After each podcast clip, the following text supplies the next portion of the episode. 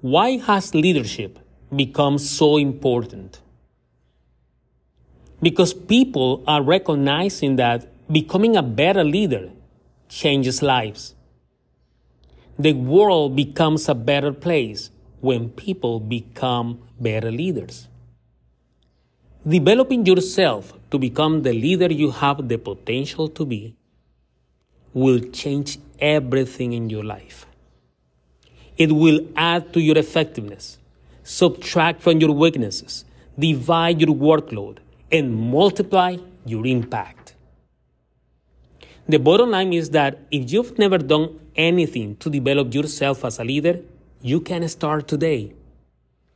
And if you have already begun your leadership journey, you can become a better leader than you already are by intentionally developing the leader within you.